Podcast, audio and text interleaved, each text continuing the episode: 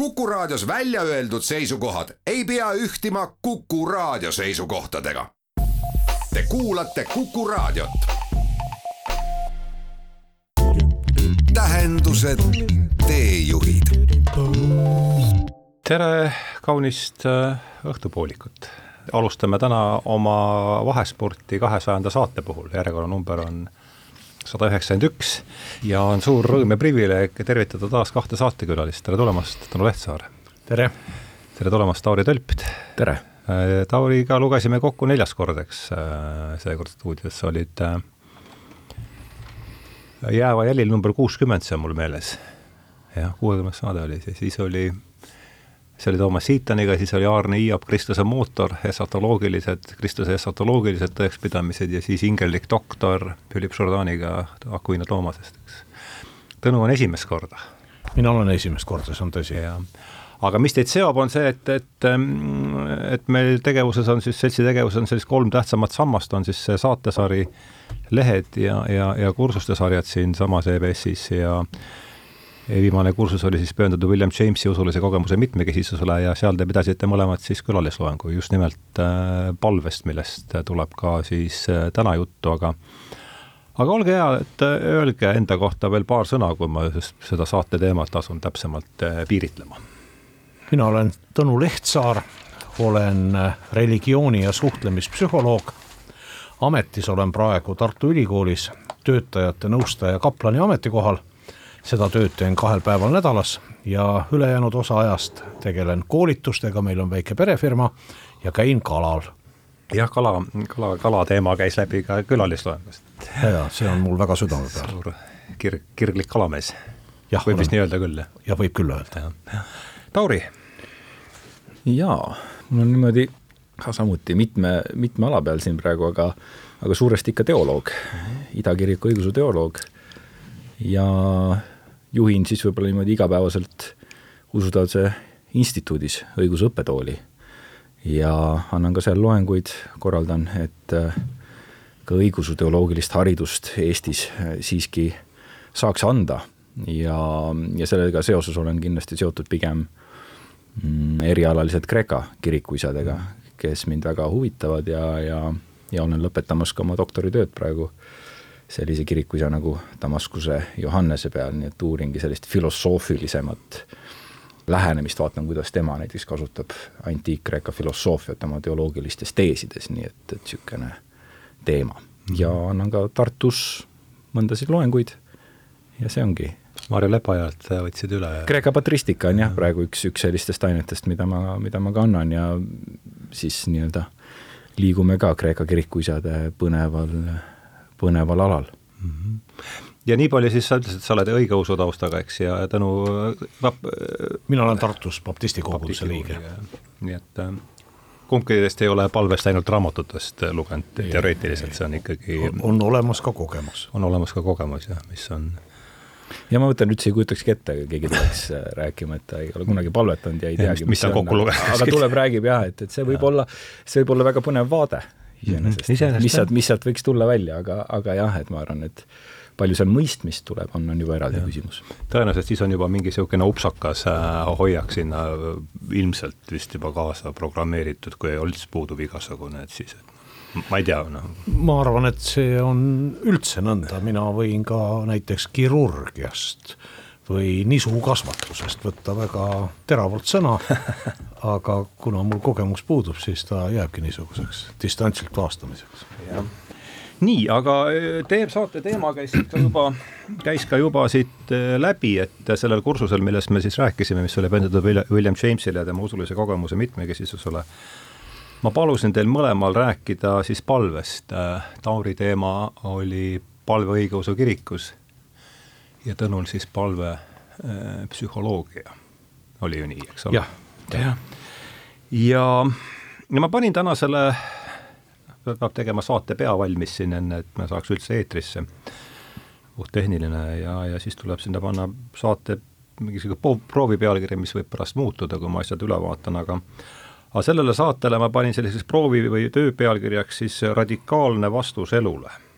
Ja miks ta selline on, on siis see, et äh, see tuleb äh, lehe seitsmeteistkümnendas numbris äh, ilmunud intervjuust USA teoloogi Matthew Foxiga, kelle teosed on siin tõlgitud kuutekümnesse keelde.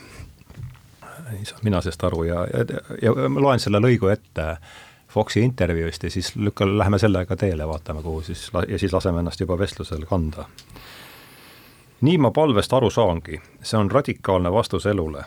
sõna radikaalne tuleb ladinakeelsest hüvest radix, juur.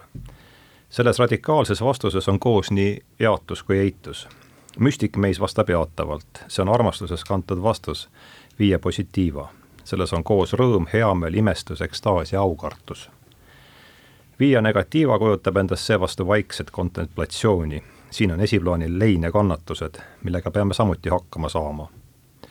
Vaiksest mõtisklusest kasvavad välja via creativa ja via transformativa. esimene viitab kujutlusvõimele ja loomingulisele impulsile. Toomas ütleb, et seesama vaim, mis hõljus loomise kohal kõige alguses, on kohal ka kunstniku inspiratsioonipuhangus Via Transformativa on õigluse ja kaastunde tee, kus me üritame pai-, palves saadud suunised ellu rakendada.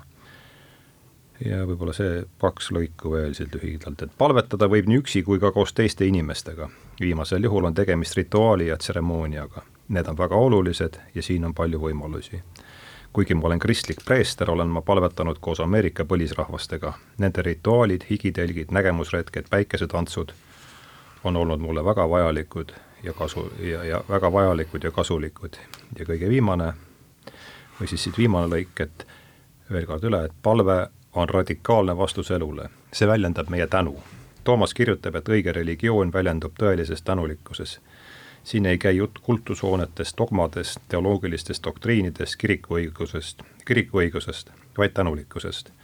meister Eckhart ütleb, et kui ainuke palve, mille me kogu elu jooksul ütleme, on tänan, tänan sind, siis sellest piisab et kuidas on, kas lükkas, kas Matthew Foxi sõnad lükkasid teie kujutlusvõime mingis suunas käima ja, ja kui siis kujutlusvõime on mõttelõnga ja kui siis, kui mis suunas, et äh, hakkame Taaris pihta äh,. jaa, vastus, et mul jäi, jäi kõlama siit äh, mõttevastus ja, ja, ja tänulikkus. see on jah ja ei ta võib, selles mõttes, et ma arvan, et me võime olla tänulikud ka ilma palvetamata. et selles mõttes see on selline üks, üks reaalsus, et ma tulen võib-olla selle radikaalsusega siia selle juurde tagasi, aga et, et nagu tänulikkus kui selline võime ka tegelikult noh, igatpidi meditatsioonis ja, ja mujalgi sellisesse tänulikkusesse jõuda. aga vastus, vot see on nüüd selline kõrgem teema ja kui me natuke vaatame kristlikku teoloogiat siis me näemegi, et Pauluski juba ütleb meile, et ega meie Jumala poole pöördumine usus saab toimuda selle tõttu, et meile on Jumal ennast tutvustanud Jeesuse Kristuse näol. ja meie palve on tegelikult vastus ühele kutsele ja ühele tutvustamisele, mis inimesele on tehtud mm. -hmm. ja võib-olla ma seoks jah, selle vastuse just sealt mis võib-olla näitabki natuke teistmoodi ka seda palvet, et ta ei ole selline noh, kuidas öeldagi, selline lihtsalt filosoofiline otsing või, või, või sellisesse enesesse süübimine, vaid vastata me saame siis, kui keegi on pöördunud meie poole ja kui on teine isik ka ja. olemas, eks, kui keegi suhestub meiega. ja ma arvan, et siin tuleb välja ka selline palve nurgakivi, et palve eeldab suhet ja suhte loomist mm. -hmm ja, ja Kristuses on see muidugi Jumal, isikuline Jumal, kes inimese poole pöördub ja seda suhet soovib luua meiega, et äh, kui me võtame ka Kristuse jüngrid, siis tema, Kristuse jüngrid ei otsinud ise endale õpetajat, vaid tema õpetaja ehk lihaks saanud Jumala sõna otsis nad ise endale üles ja pöördus nende poole. nii et me Kristuses räägime ikkagi sellisest radikaalsest Jumala pöördumisest inimese poole ja kui inimene ei usu sellesse pöördumisse või ei pane tähele seda pöördumist, ega tal siis ei ole väga ju mõtet ka vastata sellele kutsele või sellele pöördumisele.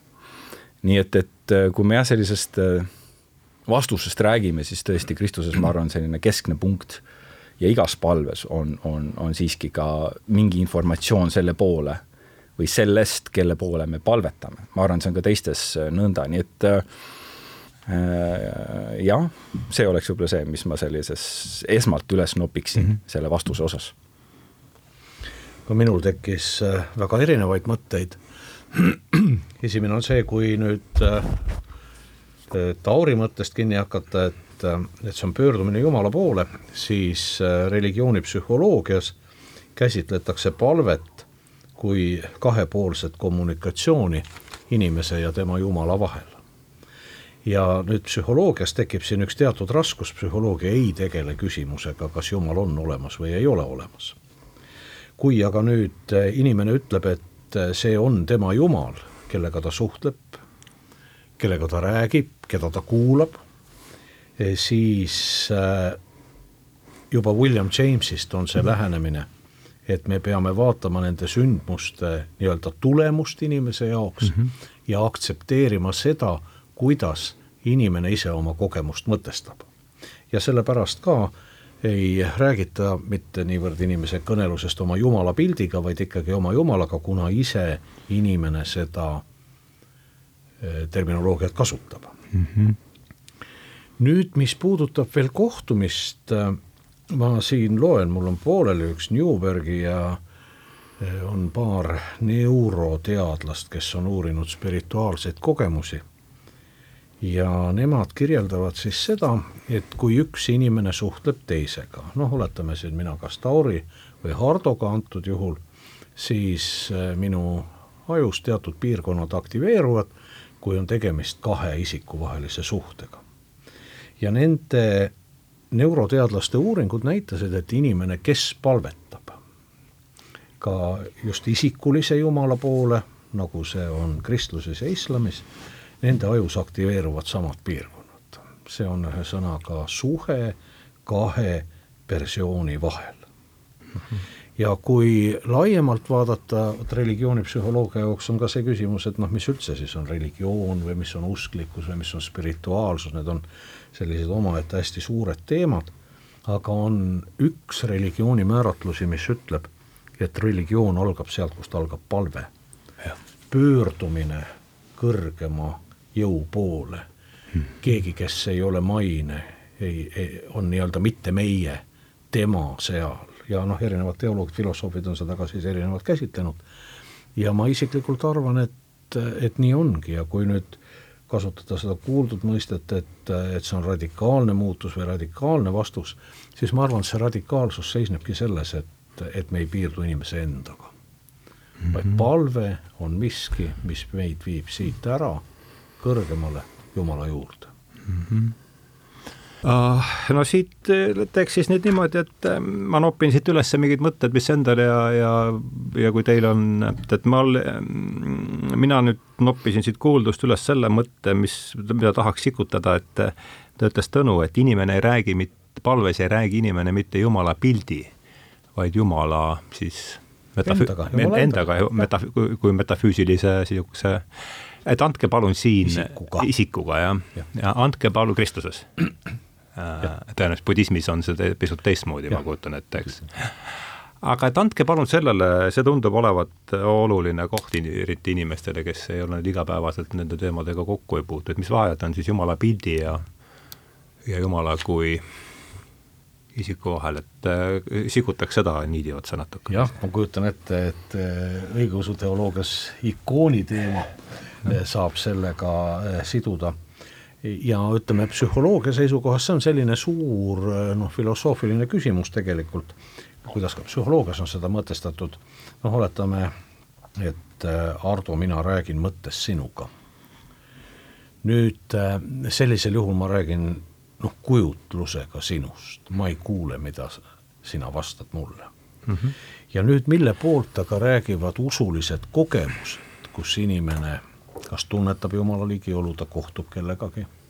mõnel juhul inimene saab mingid visioonid, saab vastused, leiab sisemise rahu, no religioonipsühholoogias on selle nimi siis valvepsühholoogilised efektid ja mhm. see ei ole taandatav inimese vestlusele või jutule vestlusest kujutusega või, või, või, või, või vaimse pildiga. Tähendused, teejuhid loengus rääkisime natuke ka Evagriusest, eks selline põnev neljanda sajandi väga huvitav oli see jah. kiriku askeesiteoloogi isa, kes tegelikult ju võtab tolle ajastu Platoni psühholoogia, integreerib selle kirikuga. toob siis Platoni sellise arusaama inimese hingest ja, ja nendest häirivatest teguritest ja faktoritest, mis tal on.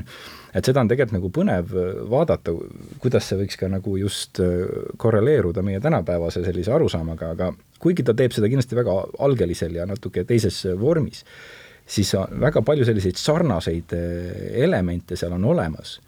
ja me näeme, kuidas esiteks üritatakse kaardistada, mis inimesega toimub, ehk siis need kuulsad seitse surmapattu, mis algselt oli siis kaheksa mõtet, kaardistati siis eh, mungale logism, logismoi. jah, logismiid või logismoid, kus siis tegelikult üritati psühholoogiliselt juba neljandal sajandil kaardistada inimese meel ja just noh, mis puudutab inimese siis askeedi teelt, teel palves Jumala poole, mis teda nii-öelda häirivad seal, mis teda äh, segavad ja takistavad. et see on selline huvitav osa, mis, mis juba tegelikult sisse toodi, saadigi aru, et kui ma tahan võtta vastu Jumalat, tahan palvetada tema poole, siis ma pean mingi korra äh, endast saama, aga kui mul on kogu aeg pea uitmõtteid täis, ma tegelen igast muude asjadega, igast emotsioonid, tungid, ma ei suuda hetkekski rahulikult olla, kuidas ma siis üldse palvetada saan?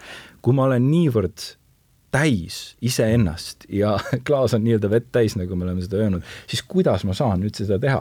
et selles mõttes selline väga oluline osa, mida juba neljandal sajandil avastati, oli see, et me peame aitama inimest sellel teel ka, kui ta hakkab palvetama, me peame teda toetama. ja me näeme seal, minu arust on seal väga palju noh, niinimetatud rääkiv psühhoteraapia, rääkiv psühholoogia või rääkiv ravi on, on seal ju olemas sellises pihis ja, ja vaimulikus vestluses, me näeme ka kognitiivkäitumuslikke selliseid mingeid väga suuri algeid seal, kus tegelikult ju äh, üritatakse need teatud kiusatused või häirivad mõtted asendada voorustega, ehk siis üritatakse mõtteviise muuta, käitumisi muuta, äh, asendada need natuke teistsuguste aspektidega, nii et me näeme selliseid väga huvitavaid elemente ja, ja mul on nagu tihti olnud see just minu arust sellises moodsas psühholoogia ja teoloogia vahekorras ka, et me võiksime neid samu elemente ju ka kindlasti uusi meetodeid ka tänapäeval kasutada, et äh, see on omaette debatt, eks, kui palju kristlasedki näiteks palju me räägime sellest, et kasutaks psühholoogia teadust ja teadmisi, et aidata mul paremini palvetada. et kui palju, palju me sellest räägime palju me seda teeme. minu arust oli vahva, et nad neljandal sajandil integreerisid niivõrd julgelt sisse tegelikult nähtused, mida peeti lausa paganlikeks mm. -hmm. võeti sealt see tarkus üle, integreeriti kristlusesse ja öeldi, et kasutame paganlike filosoofide psühholoogiat ja sealt toodi eks kaks osa, Platoni arusaam inimhingest, kus on inimese siis see nous või meel või mõistus ja siis nad, Platon jagas inimese hingeks kaheks osaks, oli selline ta nimetab siis epithimetikee ja thymikee, ehk siis kõik, mis on ihaldav ja kõik, mis on eemalelükkav. Platon jagas niisuguse inimhinge selliseks suuresti nagu kaheks, kõik, mida ta tahab ja kõik, mida ta siis vihkab või ärritab eemale lükkab. ja, ja üritatigi aru saada, et kui juba Platon teadis, et kui need osad valitsevad inimese meelt, siis ta meel on ori ei ole vaba, eks, nii et tuleb kõigepealt selline hingeline selgus saada, tuleb need kontrolli alla võtta, need meie kired, uitmõtted ja, ja, ja suunata nad õigesse kohta.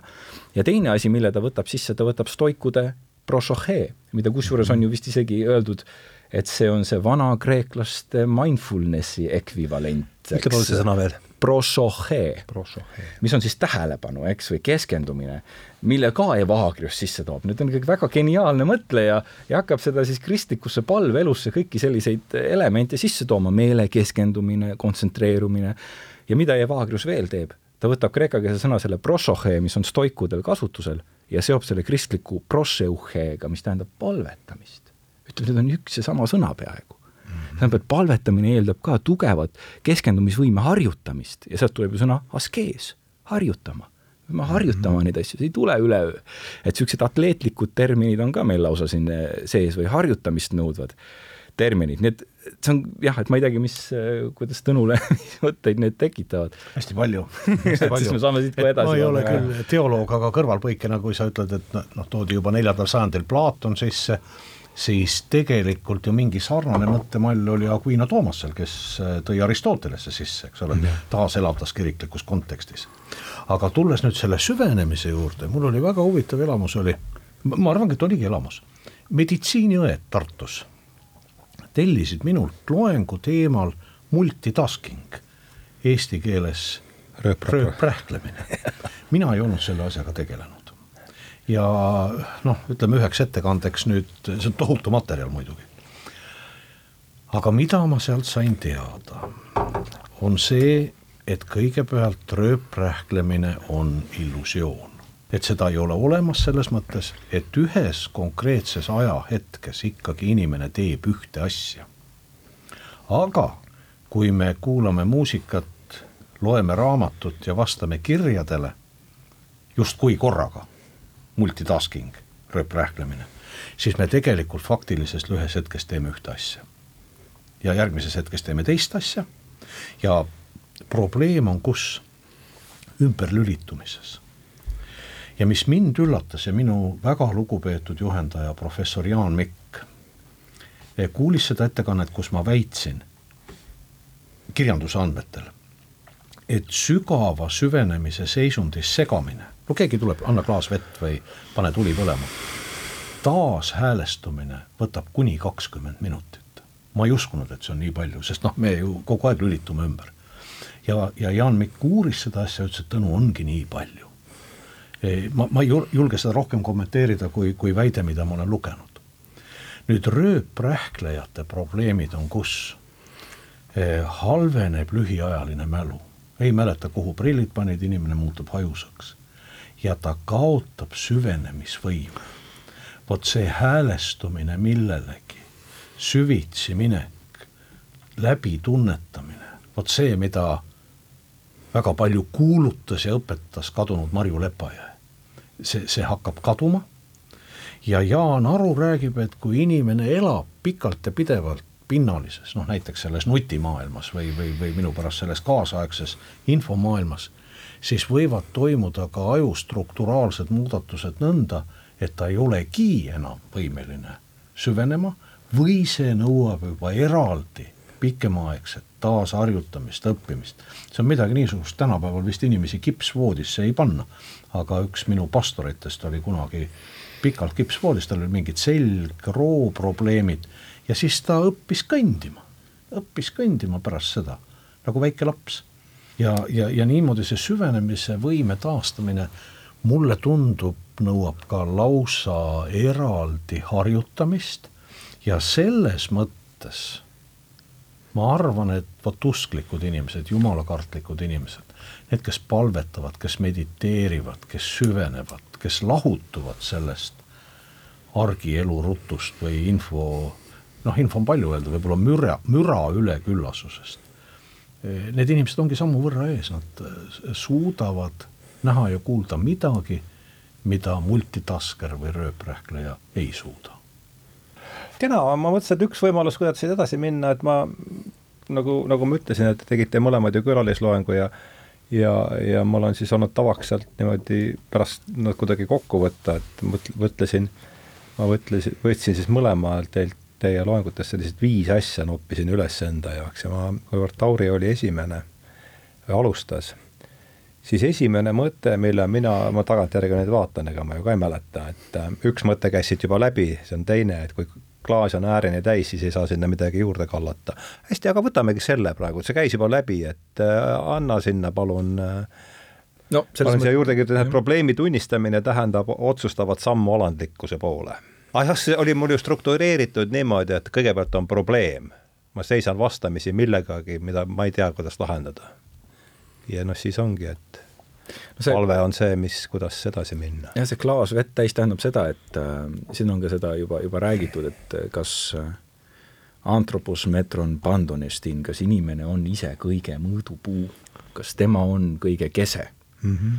kui tema on ennast täis ja ise kõige kese, ehk siis seesama äh, kontseptsioon, ka see inimene, kes ise loob Jumalat, eks me ei saa ignoreerida seda fakti, et inimene ka ise loob Jumalat ja võib seda Jumala poole ka, loodud Jumala poole palvetada, on ka üks selline inimene, kes on tegelikult teatud sellises äh, iseennast äh, täis.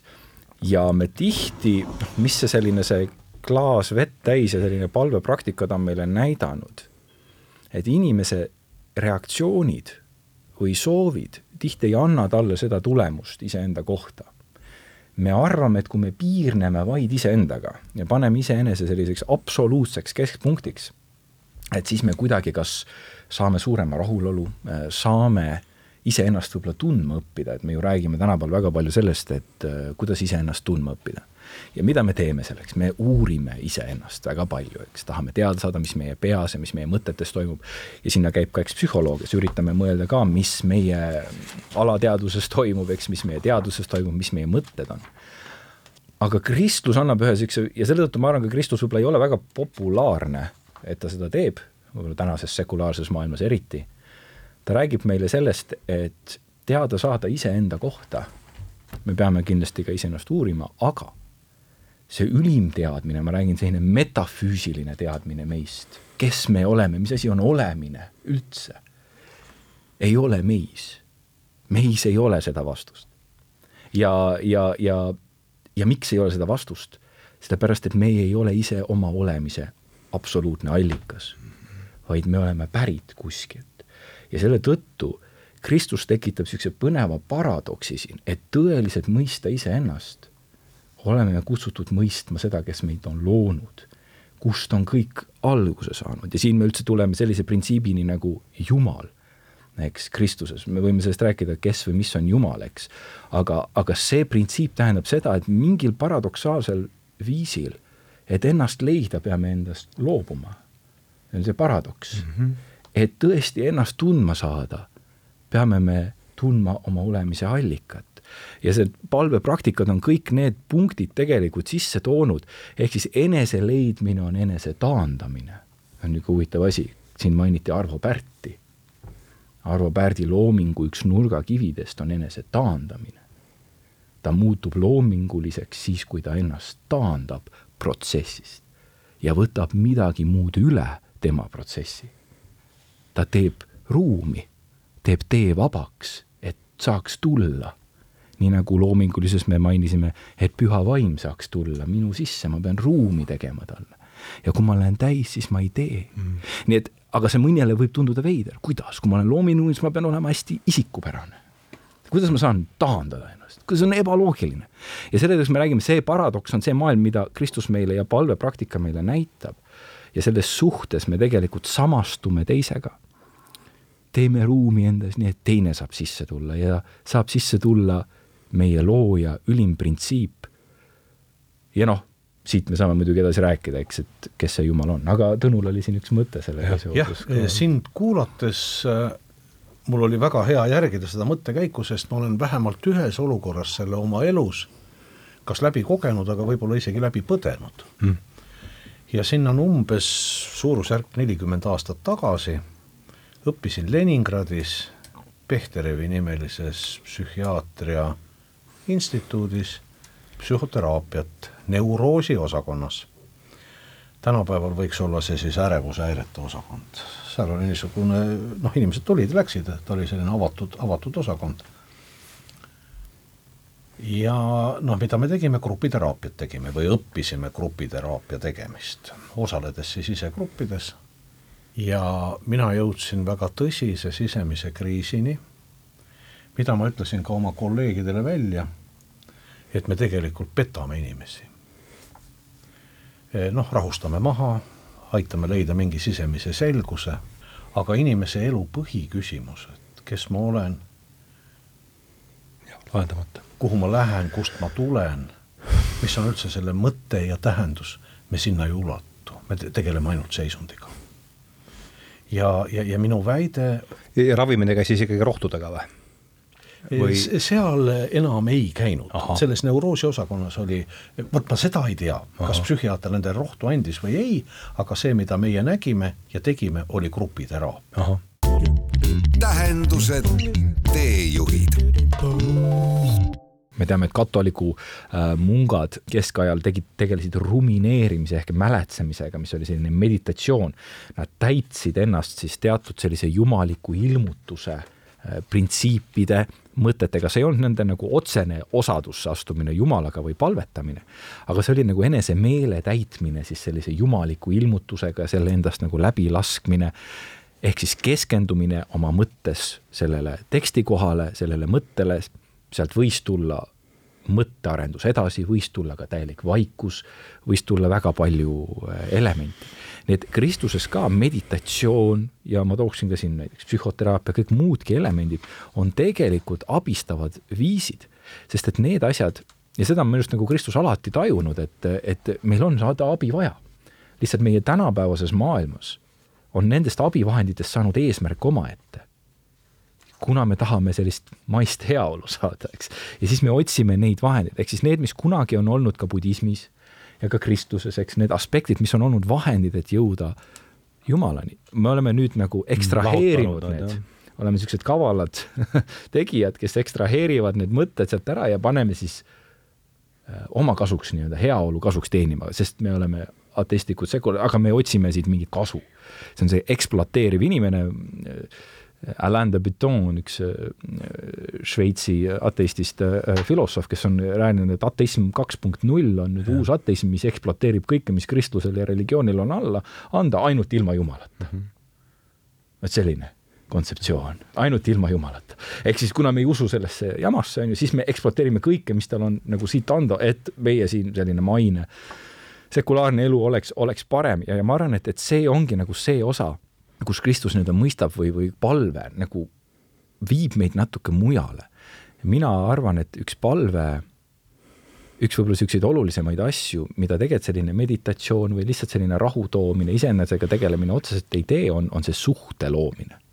sest palves me loome suhet ja tõesti, me loome suhet noh, ligimese ja teistegagi, aga me loome suhet ka ülima absoluudiga, me harjutame armastuse suhet tihti ma arvan, et meil tänapäeval ongi puudu, me ei oska nagu suhelda. me oskame iseendaga üksi olla ja kuidagi tõesti oleme leidnud selle meditatsioonivahendi, oma rahu leidnud, eks.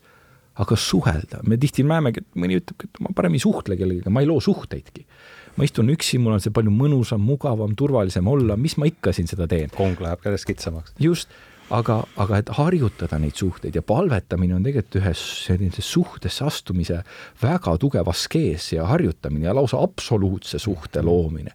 nii et, et ja, ja ma arvan, et see palvesuhe on, on igati korrelatiivne ka meie suhtega oma abikaasa, oma naise, oma lapse, tütre, ligimese, kõigega.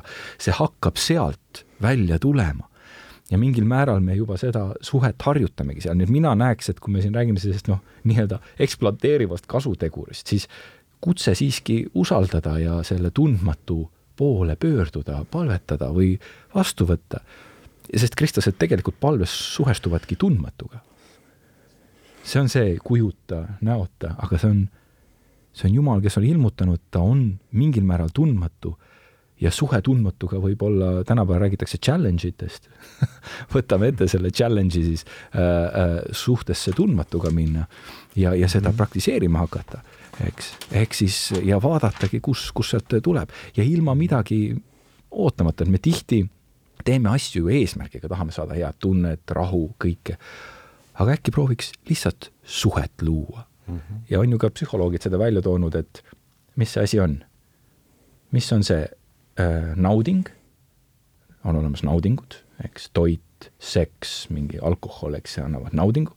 naudingu probleem, ta annab lühiajalise, ta tema jaoks ei pea väga pingutama ja tema nauding, aga seal on üks probleem, pikalt tegelen, jään sõltuvusse.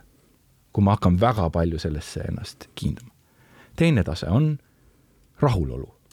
seda ma saavutan mingi asja saavutamisel, karjääris õpingutes räägiti cum laude'st siin, saavutan hea tulemus. raamatu kirjutamine. raamatu kirjutamine. ma pean juba rohkem vaeva tegema, kui lihtsalt see seks või, või, või toit või, või alkohol kuskilt saada, see on rohkem pingutust nõudev. mis, mis esimeseks ütlesid, teine on rahulolu? nauding, teine on rahulolu mm. -hmm aga rahuloluga me näeme ka, meie ümber on töönarkomaane, meie ümber on saavutuskeskseid inimesi, kes lõpuks on ikka õnnetud oma, oma selles suurtes saavutamistes mm. -hmm. ja siis on see selline tippnev tase on, on see, mida me kutsume siis äh, sellised terved armastuslikud suhted inimeste vahel on ju tuvastatud, et see on see, kui me räägime sellisest õnnest, et, et see on suhe. õnn tegelikult seisneb meie suhtes ja suhtes olemises. ja ma arvan, et see palve tegelikult ju, ju sellele vägagi panustab kaasa, et ma räägingi siin võib-olla niisuguse sekulaarse maailmaga praegu, kutsun mm. üles seda, seda mõtestama, et me, me räägime suhtest. ja, ja, ja kas me äkki harjutaksime seda suhte loomist? jah palve kui suh-, suhte loomise askees. see on, see on ülim ja tegelikult isegi absoluudiga, me räägime ju armastusest, me räägime suhetest, me räägimegi, kuidas ma suhtlen. üks asi on olla iseendaga ja mõelda, keskenduda mingile punktile. aga teine asi on astuda suhtesse ja selle tõttu Anthony Bloom on öelnud, et äh, ah, kes on kirjutanud palvest, jah ja, ja., on öelnud, et palvetamine on üks väga ohtlik tegevus, sest me lähme, me läheme suhtesse siin. ja iga suhe on oma vastutusega. siin on, tulevad täiesti teised protsessid käigu, käiku meil. Ja nagu ütleb Anthony Bloom, iga palvetamisega hakkab ka midagi surema meis mm. -hmm. midagi, kuskilt tuleb loobuda mingist iseenese asjast. tuleb ka järeleandmisi teha, kõik inimesed, kes on kunagi suhtes olnud, ju teavad seda, kuidas suhted käivad, eks. ja mis on need, need aspektid sealjuures ja ma arvan, et palve on üks osa sellest askeesist. ole hea, Tõnu, lisa ka veel midagi võib-olla see mõte, mis on ka läbi jooksnud, et palve jah, ongi ikkagi kohtumine isikuga mm. -hmm. ja, ja see ei tähenda, et me seda isikut lõpuni mõistame. Taurit kuulates mul tuli meelde see Vana-testamendi lugu Moosesest, kellega Jumal rääkis väga selgelt. ja kui Mooses küsib, kes sa oled, mis ma ütlen rahvale, kellega ma rääkisin, siis ta vastab, ütleb, mina olen. mis tähendab seda, et jah, meie suhtes Jumalaga võib olla meil kogemus sõnum, me kuulame. Aga vastus, kes sa oled, ei mahu meie aju sisse ära. ja see on, ma olen. ja see teebki lõpuks alandlikuks, avatuks, aga ka suhtlemisvõimeliseks mm. -hmm. ja siin ma arvan, et ongi see, see, see palve on tegelikult mingil määral noh, natuke isegi selline nagu, see on nagu mm. -hmm. ma olen tundnud, et palve on oluline tõe otsijale. Eks ja, ja tõe vastu, et see ei ole selline, et noh, ma rahuldun iseendaga ja see ei ole selline heaolu, pelgalt sellise teatud heaoluga või naudingu või heaolu leidmine, otsimine, vaid, vaid see on, see on midagi, kus me olemegi nõus selle tõega kokku puutuma. absoluutse ülima tõega ja mõnikord on vaja väga rasked teekonnad läbida selleks. aga, aga see on natuke teistsugune otsing ja võib-olla ma kutsuksingi selliseid pioneerid ja maadeavastajad olema siin ja teha see avatus sellisele öö, kuidas ütleme, sinna selle tõeotsingu peale minekuks ja sellega ka siis selle vastuvõtlikkuse tekitamiseks, et ma isiklikult usun, et teadlased ja uurijad ja siin toodi ka füüsikuid näiteks ja, ja muidki, nad ju kõik otsivad kuskilt, kui me vaatame, mida teadlased tihti on, nad otsivad neid algprintsiipe mm. -hmm kust see ikka kõik pärit on, kust see inimene pärit on, kust see meie universum pärit on?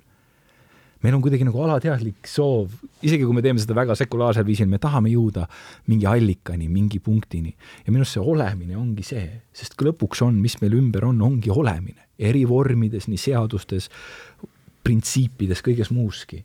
ja ma arvan, et see, me tahame inimestena, on meil mingi lausa ütleks niisugune orientiir sisse pandud või nagu programm isegi, seda olemist kuidagi mõista iseeneses, teistes, kõiges. ja, ja ma arvan, et kui me palvest räägime, siis palve on üks selle olemise mõistmise, olemise tundmise üks sügavamaid teekondasid, mida ette võtta ja ma arvan, see on selle võib-olla lõplik aspekt ja me ei, ja seda vastust me lõpuni ei saagi kunagi kätte, aga see on üks teekond, mille me ette võtame. jah, ja nagu Paulus ütleb ka, et me näeme nagu ähmast kujut kujutist. aima, aimamisi nagu peeglist. jah, aimamisi. aga mina olen ikka mõelnud, et, et see kujutis on ikkagi tõene, aga pilt on ähmane või see, see algallikas on, on see päris mm, -hmm. aga me saame veel ähmaselt aru meie oleme piiritletud. nagu ju tegelikult ka Emmanuel Kant ütleb meile puhta mõistuse kirjutates, lihtsalt aju ei suuda kõike vastu võtta alati ja meil on omad piirid ja me võime sellega ka rahus leppida aga, aga see teekond tuleb vaatamata sellele ette võtta, nii et, et äh, ma arvan, et seda, seda julgust ja seda kutset siin teha, et äh, natuke mõtleksime ka teisiti nendele asjadele ja ei, jah, ei piirduks lihtsalt iseendaga, et see mm -hmm. lihtsalt iseenesega piirdumine on, on, ma arvan, noh, mina räägin lihtsalt oma kogemusest, et et, et see minu jaoks on, on, on midagi, mis, mis jääb kuidagi vaeseks ja võib-olla mina kus ma olen nagu tajunud, et ma olen pigem selline tõeotsija alati olnud, siis, siis see retk või teekond, kus siis sellises suhtes Jumal ja inimene kokku saavad, seal see sünnibki. ja sünnib väga palju ja see on selline lõputu teekond, mis tegelikult mitte kunagi ei saa läbi, et isegi müstikud ütlevad, et ühel hetkel, kui me jõuame sinna kohale, siis see kohale jõudmine, kuna siin toodi ka välja, et aeg ja ruum kaob ära ja kui aeg saab läbi imbunud ajatusest ja ruum ruumitusest, siis tekib selline lõputu kulgemine. see on piiblisalm, et aeg saab läbi, aeg sa-, ei see ei, see, see on, see on, see on, nimetatakse, Nyssa Gregorius on selle mõtte isand, kutsub seda aeginitos stasis ehk igavesti liikuv seisak on punkt, mis aina süübib ja süveneb. see on see plaat, et aeg on äh, igavõiku liikuv ujutis enam-vähem natuke seal natuke sarnane, aga, aga, aga, aga mitte jah, selles mõttes pärib, aga jah, ta on, on, on väga sarnases punktis, nii et selline see punkti jõudmine, aga siiski veel mitte kohale jõudmine, kuna Jumal on lõpmatu ja, ja, ja kättesaamatu, see aspekt, ehk siis jääbki sinna lõpmatu süübimine. ja ma arvan, see ongi selle teekonna kirjeldus ka, mis, mis siit äh, ette tuleb mm. -hmm no kena, mul tuleb ka siin oma kogemusest meelde, ma olin siis olnud kolm äh, kuud kaine umbes. Ja tead, kuulasin ka seal igasugu, mis sõbrad rääkisid ja kes olid sealt sarnase tee ette võetud ja ja üks niisugune valgusväär sähvatas, mis mul tead sellest, niisugune udu on ju seal peas äh, ja tuleb sellest õpetaja uuesti käima, et ütles, et äh, mul läks kolm aastat aega, et aru saada, et Jumal on olemas. Ja see ei ole mitte mina. Et see oli niisugune ahah, vaata, et niisugune huvitav, huvitav mõte, et mis te sellest, eks me selle ümber oleme siin ka tiirutanud, aga võtaks veel kiire kommentaari selle kohta ja siis äh, paneme tänaseks poe kinni. ma selle väitega iseenesest olen, olen väga nõus. see, see, see ei ole mina. See on algus ilmselt, et üldse saab kuhugi üldse hakata liikuma, mulle tundub. jah, et ma arvan, et see ongi see, et kui me tänapäeval vaatame, kui ühiskonnas räägitakse tihti Jumalast, siis tihti mõeldakse sellele iseennast. väga, väga tihti, et ta on selline või universumit või mis iganes, et see selline ta on võib-olla niisuguses uusvaimsuses ja, ja postmodernismis ka selline omaette kontseptsioon, aga tõesti. humanismi niisugune. aga ka siis, aga siis me räägimegi, minu jaoks on see nagu see küsimus, et kas siis tõesti suhe ongi, suhe, maksimaalne suhe minu jaoks on suhe minu endaga. See on see maksimum, mida ma suudan suhtes luua? kas ma teisega ei suudagi suhtes ja kas teisega suhe, et, et see on see küsimus ja veel absoluutse teisega, nii et ma arvan, et see on teatud rikkus, et äh, me võime iseendaga suhestuda, aga, aga ma arvan, see, see teisega suhestumine on, on, on, ma arvan, selline täiesti teine teekond, mida, mida ette võtta. nojah, aga paradoks on selles, et selleks, et teistega suhelda, tuleb jälle mingi terve suhe iseendaga jälle, eks ole. et see iseenese terve. kõik on jällegi, läheb niisuguseks kuramas. et ta nõuab teatud tasakaalu ja, nõuab teatud sellist äh, sofrossüüne, ilus kreeka keele sõna. on meeletarkus või meeleselgus või meelepuhtus. jah, see on niisugune mis tekibki meil elu, elukogemusega, et me, me teame, kus, kus mida, mingit punkti kasutada, kus olla range, kus olla mitte võib-olla nii range ja nii edasi, see, see tekibki sellega. siin on lihtsalt lõpetuseks ongi see Aadama ja Eeva lugu. lõpetame võib-olla siis sellega ära. lõpetame. Et Aadama ja Eeva probleem ei olnud mitte selles, et nad kasutasid oma tundeid või valet tundeid, aga nad kasutasid seda valel ajal vales kohas hmm kui madu tegi neile ettepaneku, et kuulge, rikkuge, hakake vastu, rikkuge seda käsku, valige vale tee, siis Adam ja Eva äh, olid väga julged seda tegema. aga oleks pidanud olema arad sellel hetkel. aga kui tegu oli tehtud, no mis seal ikka, siis peaks olema just väga julge, et see andeks paluda, üles tunnistada. liigume edasi. aga ei, nad olid hoopis siis arad ja ei tunnistanud midagi üle, üles mees süüdistas naist ja naine süüdistas madu. keegi ei tea mitte midagi. valel ajal, vales kohas, emotsioonide tunnuste kasutamine, sofrossüüne puudus. jah, no sealt on kapaga assotsiatsioone võtta meie, meie, kõigi ellu, ette kuulge, ma ei jõua teid ära tänada, et tulite siin lobisema minuga. aitäh kutsumast, Arvo. ka kaunil kolmapäeva õhtul, et suur-suur aitäh, et oli väga huvitav ja ja nagu ütles Asso Krull siin sadakond saadet tagasi, kui on huvitav, siis on järelikult ka vajalik. nii et nii et suur tänu kõigile, kes te meid kuulasite, suur tänu veel kord Taurile Tõnule ja ja kõigile, kes on selle saate teinud võimalikuks. tähendused, teejuhid